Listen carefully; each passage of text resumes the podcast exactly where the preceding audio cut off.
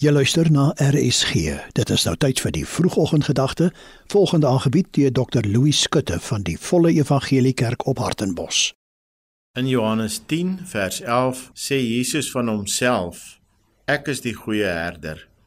Die goeie herder lê sy lewe af vir die skape.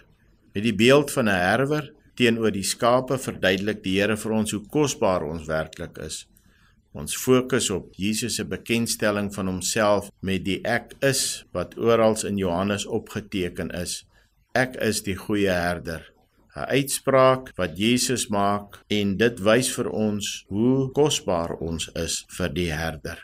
Hy noem homself goed. Niemand is goed behalwe God nie en hy is God. In Johannes 11 verskyn hy aan die disippels en eet ontbyt saam met hulle nadat hy weer 'n wonderwerk gedoen het. Dan kyk Jesus na Petrus, die vuurige een en hy vra vir hom of hy vir hom lief is. En Petrus sê 3 maal: "Ja, Here, ek is lief vir U." En elke keer as hy gesê het dat hy lief was, het hy gesê: "Laat my lammers wy, pas my skape op, laat my skape wy."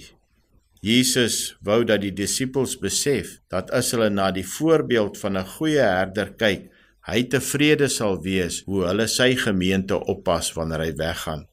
Daar in die teks in Johannes 10 vers 11 waar hy sê dat hy die goeie herder is en die goeie herder lê sy lewe af vir die skape, kom daar vier aspekte van 'n goeie herder na vore. En dit is die liefde van die herder vir sy skape. Elke skaap het 'n naam en daarom is die skaap spesiaal vir die herder.